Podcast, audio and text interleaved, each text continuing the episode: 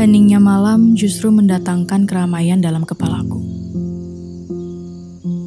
Awalnya, kukira hanya pikiran dengan masalah yang dapat terselesaikan dengan mudah.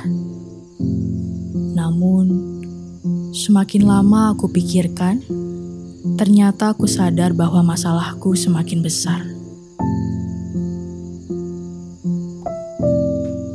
Bagai benang yang malang melintang, aku berusaha mengurai agar semua kembali sejajar.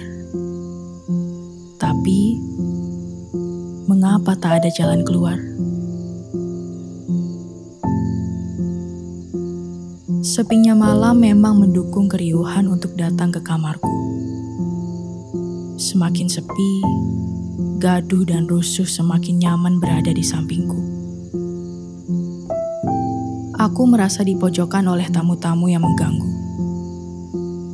Pikiranku runtuh, mencari jalan keluar di tengah kebuntuan. Malam bertambah larut, sementara aku masih menyimpan semuanya sendirian. Aku yakin tindakanku adalah tindakan yang berani, memangku semua beban ini hingga selesai. Sampai kapan ya? Ternyata yang lebih berani soal menyembuhkan diri bukanlah memendam semuanya sendirian. Berlama-lama memikirkan tentang tindakan palsu yang berujung menjadikan keadaan kian berantakan. Lambat laun, ternyata nyali adalah ketika kita berani meminta pertolongan. Menyadari bahwa kita merupakan manusia yang tidak dapat hidup seorang diri. Memahami bahwa ada hal-hal yang tidak mampu kita kendalikan. Sekarang, coba pejamkan matamu sejenak.